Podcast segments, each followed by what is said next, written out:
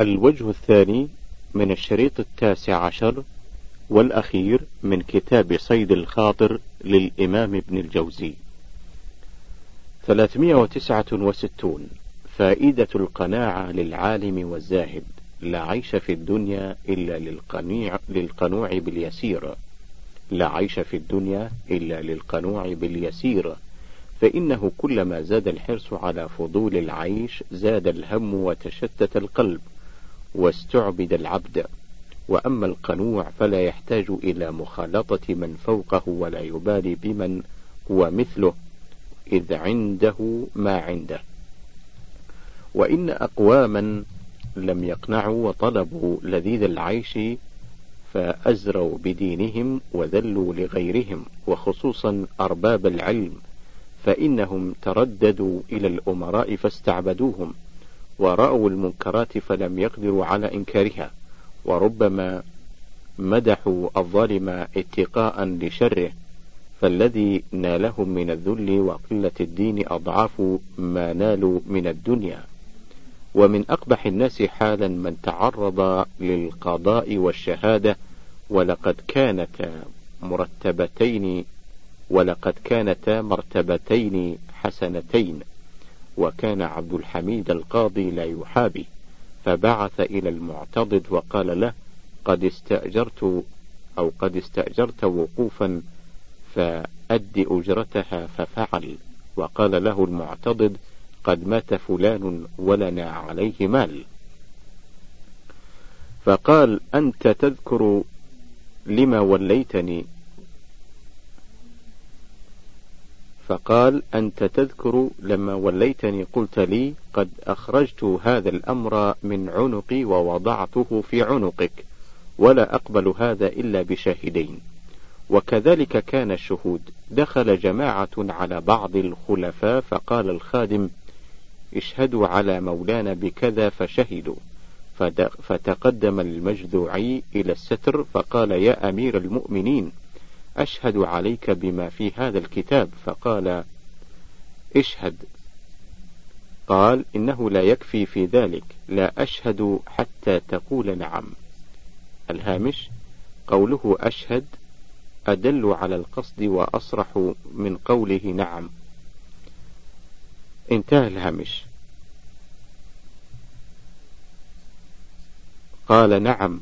فأما في زماننا فتغيرت تلك القواعد من الكل خصوصا من يتقرب بالمال ليستشهد فتراه يسحب ليشهد على ما لا يرى. قال لي أبو المعالي ابن شافع كنت أحمل إلى بعض أهل السواد وهو محبوس وأشهد عليه كنت أحمل إلى بعض أهل السواد وهو محبوس وأشهد عليه وأعلم أنه لولا مكره الجاء وأعلم أنه لولا مكره لجاء إلي بقدمي وأنا أستغفر الله من ذلك. وليس للشهود جراية فيحملون أو فيحملون ذلك لأجلها وإنما الذي يحصل جر الطيلسان وطرق الباب وقول المعرف حرس الله نعمتك شهادة. ولما قيل لإبراهيم النخعي تكون قاضيا لبس قميصا أحمر وجلس في السوق فقالوا هذا لا يصلح. ودخل بعض الكبار على الرشيد وقد أحضره لوليه القضاء فسلم وقال له كيف أنت وكيف الصبيان؟ فقيل هذا مجنون فيا لله جنون فيا لله جنون هو العقل. وما أظن الإيمان بالآخرة إلا متزلزلا في أكثر القلوب. نسأل الله سبحانه سلامة للدين فإنه قادر. 370 مع كل فرحة في الدنيا ترحى. قد تكرر معناه في هذا الكتاب إلا أن إعادته على النفوس مهمة لئلا يغفل عن مثله. ينبغي للمؤمن أن يعلم أن الله سبحانه مالك حكيم لا يعبث وهذا العلم يوجب نفي الاعتراض على القدر وقد لهج خلق بالاعتراض قدحا في الحكمة وذلك كفر وأولهم إبليس في قوله خلقتني من نار وخلقته من طين. ومعنى قوله إن تفضيلك الطين على النار ليس بحكمة. وقد رأيت من كان فقيها دأبه الاعتراض. وهذا لأن المعترض ينظر إلى صورة الفعل ولو أن صورة الفعل صدرت من مخلوق مثلنا حسن أن يعترض أو أن يعترض عليه. فأما من نقصت الأفهام عن مطالعة حكمته فاعتراض الناقص الجاهل عليه جنون. فأما اعتراض فأما اعتراض الخلعاء فدائم لأنهم يريدون جريان الأمور على أغراضهم. فمتى انكسر لأحدهم غرض اعترض وفيهم من يتعدى إلى ذكر الموت فيقول بنى ونقض وكان لنا رفيق قرأ القرآن والقراءات وسمع الحديث الكثير ثم وقع في الذنوب وعاش أكثر من سبعين سنة. فلما نزل به الموت ذكر لي أنه قال قد ضاقت الدنيا إلا من روحي. ومن هذا الجنس سمعت شخصا يقول عند الموت ربي يظلمني. وهذا كثير. ويكره ويكره أن يحكى كلام الخلعاء في جنونهم واعتراضاتهم الباردة. ولو فهموا أن الدنيا ميدان مسابقة ولو فهموا أن الدنيا ميدان مسابقة ومارستان صبر الهامش المارستان أو بيمارستان بمعنى مستشفى وعند العامة اليوم دار المجانين انتهى الهامش. ولو فهموا أن الدنيا ميدان مسابقة ومارستان صبر ليبين أو صبر ليبين بذلك أثر الخالق لما اعترضوا. والذي طلبوه من السلامة وبلوغ الأغراض أمامهم لو فهموا. والذين والذي طلبوه من السلامة وبلوغ الأغراض أمامهم لو فهموا. الهامش أي أن السلامة وبلوغ أي أن السلامة وبلوغ الأغراض إنما تكون يوم القيامة. انتهى الهامش. فهم كالزر آه كالزورجار يتلوث بالطين. فهم كالزورجار يتلوث بالطين فإذا فرغ آه لبس ثياب النظافة. ولما أريد آه نقض هذا البدن الذي لا يصلح للبقاء نحيت عنه النفس الشريفة ثم بني بناء يقبل الدوام. وبعد هذا فقل للمعترض فليمدد بسبب إلى السماء ثم ليقطع فلينظر هل يذهبن كيده ما يغيظ. قل له إن اعترض لم يمنع ذلك جريان القدر. وإن سلم وإن سلم جرى القدر.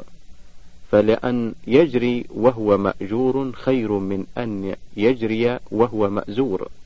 وما أحسن سكوت وضاح اليمن لما اختبأ في صندوق فقال السلطان أيها الصندوق إن كان فيك ما نظن فقد محونا أثرك.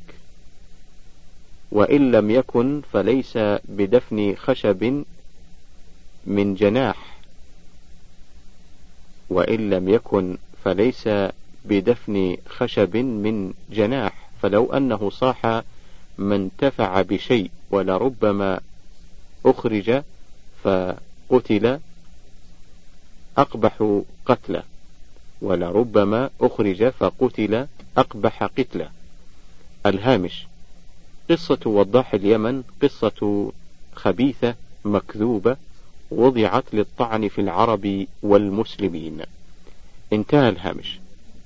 371 أفراح الدنيا لا تصفو من الأكدار من تلمح أحوال الدنيا علم أن مراد الحق سبحانه وتعالى اجتنابها.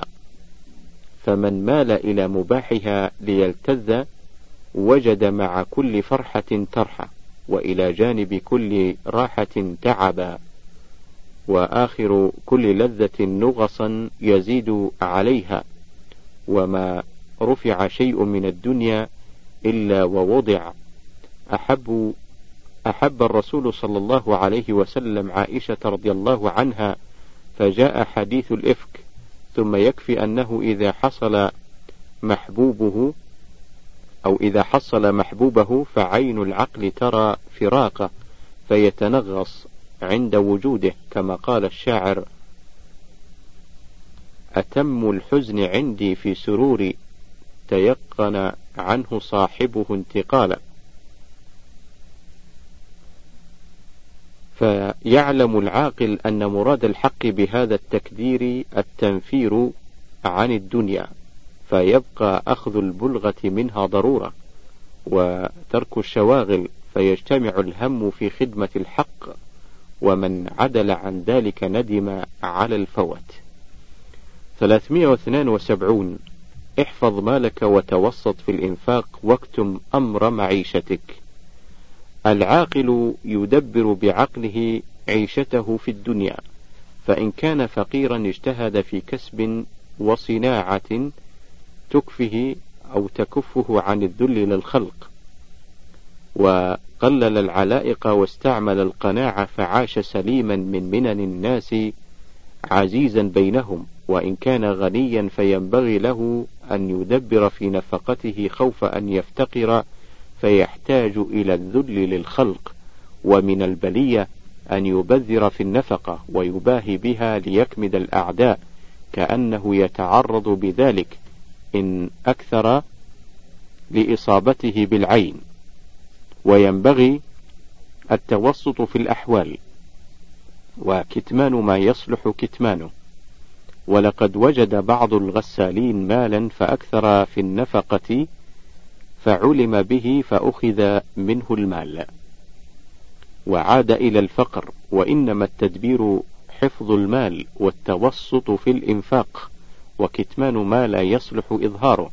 ومن الغلط إطلاع الزوجة على قدر المال ومن الغلط إطلاع الزوجة على قدر المال فإنه إن كان قليلا هان عندها الزوج وإن كان كثيرا طلبت زيادة الكسوة والحلي. قال الله عز وجل ولا تؤتوا السفهاء أموالكم وكذلك الولد وكذلك الأسرار. ينبغي أن تحفظ منها ومن الصديق. ينبغي أن تحفظ منها ومن الصديق. فربما انقلب فقد قال الشاعر احذر عدوك مرة واحذر صديقك ألف مرة. فلربما انقلب الصديق فكان أعلم بالمضرة. بحمد الله تعالى قد نجز ما توخاه الفكه الفاتر من تقييد ما جمعه القلم من صيد الخاطر. مقتصرا فيه على ما به التخلي من الأمراض النفسية والتحلي بالآداب الشرعية والأخلاق المرضية. جعله الله خير هاد على منبر الوعظ والإرشاد. وأنفع كتاب تجلى وأنفع كتاب تجلى فيه تجلى في مرايا الظهور لهداية العباد. والحمد لله أولا وآخرا وصلى الله على سيدنا محمد وعلى آله وصحبه وسلم. استدراك. ذكر ابن رجب أن ابن الجوزي استفتي في رجل من الفقهاء فقال إن عائشة قاتلت عليا فصارت من البغاة فأجاب هذا رجل ليس له علم بالنقل وقد سمع أنه جرى قتال ولعمري أنه قد جرى قتال ولكن ما قصدته عائشة ولا علي إنما أثار الحرب سفهاء الفريقين ولولا علمنا بالسير لقلنا مثل الذي قال. ولقد كنت علقت على كلام المؤلف في ذيل الصفحة رقم 532 بمثل هذا ولم أكن رأيت هذه الفتوى فلما رأيتها فرحت إذ وفقت بتعليقي عليه ما أفتى به.